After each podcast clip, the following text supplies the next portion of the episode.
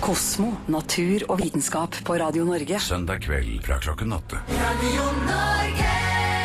Vi har eh, fått besøk av en eh, forskningsjournalist fra forskning.no, Hanne Østli Jacobsen. Og vi skal snakke om at legemiddelindustrien er inne i en innovasjonskrise.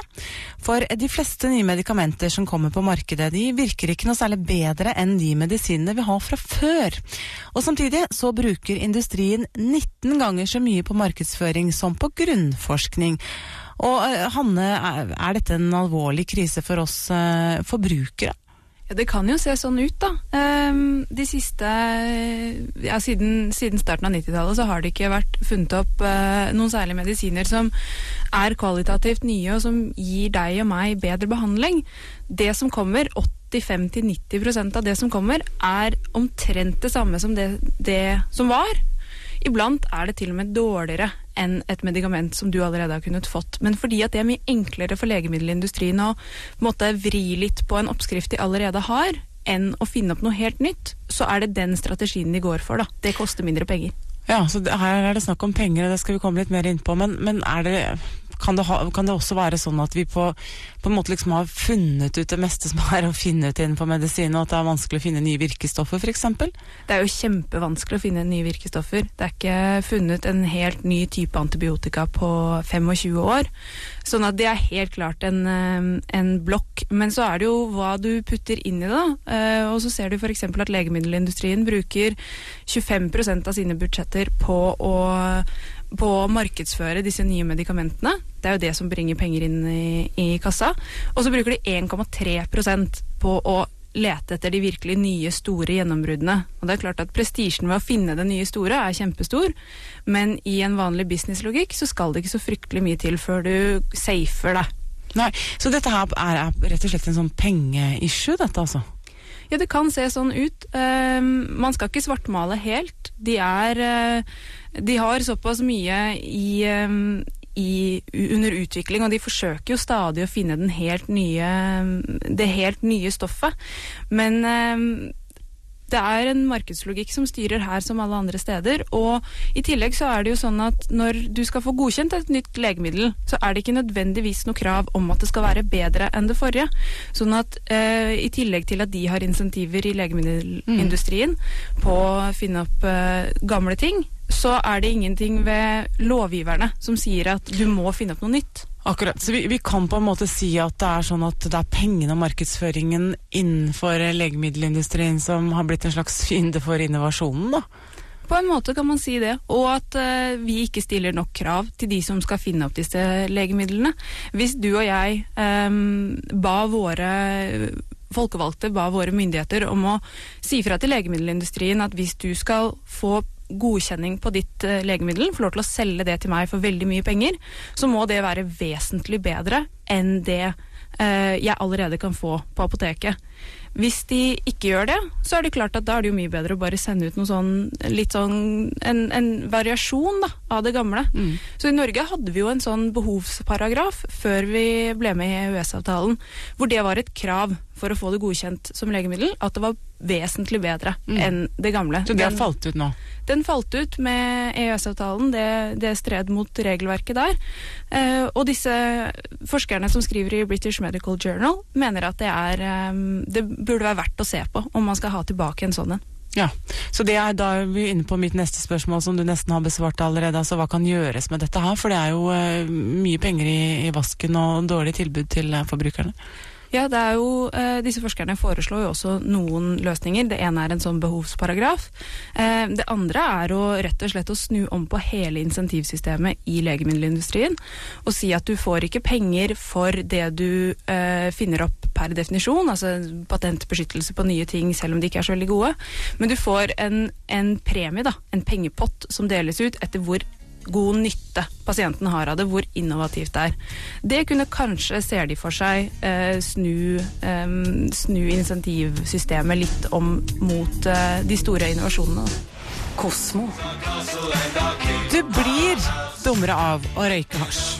Det kommer kanskje ikke som noen bombe, for mistanken om det har eksistert eh, ganske lenge. Men nå har i alle fall forskere fra New Zealand eh, gjort en stor studie på 1000 mennesker som de har fulgt fra fødselen av og frem til 38-årsalderen. Og konklusjonen den er klar. Folk som begynner å røyke hasj tidlig, har lavere IQ i 30-årene enn andre. Og jeg har med meg forskningsjournalist eh, Hanne Østli Jacobsen i forskning.no. Hvor ille står det til med IQ-en til eh, disse folka? Det er jo ikke, det er jo ikke helt krise. Eh, gjennomsnittlig for de som begynte å røyke på en måte helt tidligst uh, av disse 1000 newzealenderne, så er de seks IQ-poeng lavere. Det er jo ikke noe du og jeg egentlig merker i hverdagen, men så må man tenke at det er gjennomsnittet av, av uh, 1000 mennesker. Sånn at uh, utslagene kan jo være store. Ja, så Eh, Enkelte kan ha da langt eh, mindre IQ enn de seks. Det kan godt hende. Det, er, eh, det sier jo ikke studiene noe om, men, eh, men det er en såpass merkbar eh, forskjell at de mener det er, eh, det er hold for å si at du blir faktisk dummere av å røyke. Mm. For det har jo vært eh, diskutert veldig mange ganger dette her, om man blir det eller ikke, og eh, noen hevder at det bare er påstander osv., men nå, nå kan man iallfall mene at dette er signifikant, det vil si at det er en verdi i denne forskningen at det faktisk er sånn.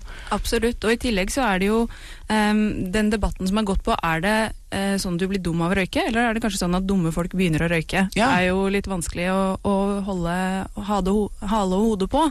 Men eh, det som er den store styrken til den studien her, er jo at det har fulgt eh, disse ungdommene, skråstrek voksne, fra lenge før de begynte å røyke, da de var 13 år, og hele veien opp. Sånn at de har et mål, da de har sett at dette her var ikke sånn at de som viste seg å være dumme da de var 38, også var litt eh, trege på starten av livet. Det var, de har fått utjevna for det og, og kontrollert for sånne variasjoner. Ja. Så det henger ganske sterkt i hop, dette resultatet, faktisk. Men sier denne undersøkelsen også noe om det hjelper å slutte med hasjrøykingen? da? At man på en måte kan hente igjen den IQ-en som eventuelt har gått tapt? Ja, på en måte dessverre gjør den jo det. fordi at det er eh, i hvert fall et års eh, røykeslutt retter ikke opp alt det som, eh, som de ser her. Det er eh, mer permanent enn som så.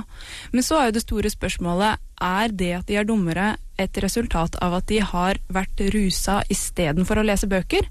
Eller er det det at de eh, har ødelagt hjernen sin? For hvis de har ødelagt hjernen, så er det klart da er det veldig vanskelig å rette opp.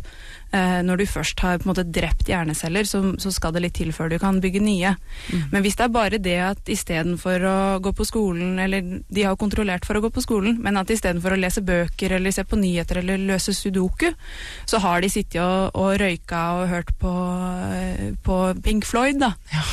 så er det kanskje enklere å på en måte ta igjen den tapte hjernekapasiteten hvis du en dag bestemmer deg for å, å stumpe røyken. Men dette er man ikke sikker på. Det vet de ikke, og det er jo det som er interessant å studere videre, syns eh, disse forskerne. De har tenkt å fortsette å gjøre eh, tester på det samme materialet og prøve å kontrollere for sånne faktorer. Mm. Men, men eh, hadde det noe betydning hvor mye disse personene røykte, altså hvor ofte de røykte hasj, eller hvor mye de røykte av det osv.? Det hadde det. Jo mer du røyker, og da, da var det snakk om ganske mye, altså det var fire dager i uken. Oi, ja. Fra ja, 15-16-17-årsalderen, så ganske tidlig, ehm, så ser de de største utslagene. Eh, begynner du seinere, så er det mindre utslag, og røyker du mindre, så er det også mindre utslag. Eh, og det er jo, de skriver jo at de syns jo det er ganske på en måte selvforklarende at en hjerneutvikling som den er i tenårene, hvor du skal bygge veldig mange viktige koblinger, har ikke godt av den sløvende effekten som de vet er på cannabis. Og da er vi kanskje inne på altså, hvorfor man blir dummere av å røyke hasj også, at det skader nerveceller i hjernen.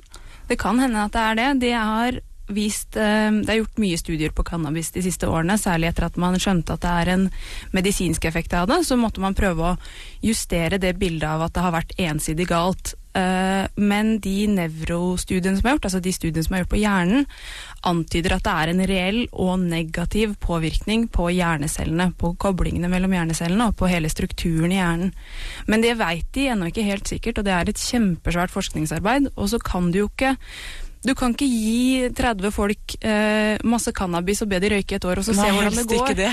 det er på en måte ikke greit. Så de må, de må observere folk i det virkelige liv og, og på en måte prøve å dra ut eh, resultater fra det. Eller så må de teste på rotter og mus og de tingene som vi syns er greit. Da. Kosmo, natur og vitenskap på Radio Norge. Søndag kveld fra klokken åtte. Radio Norge.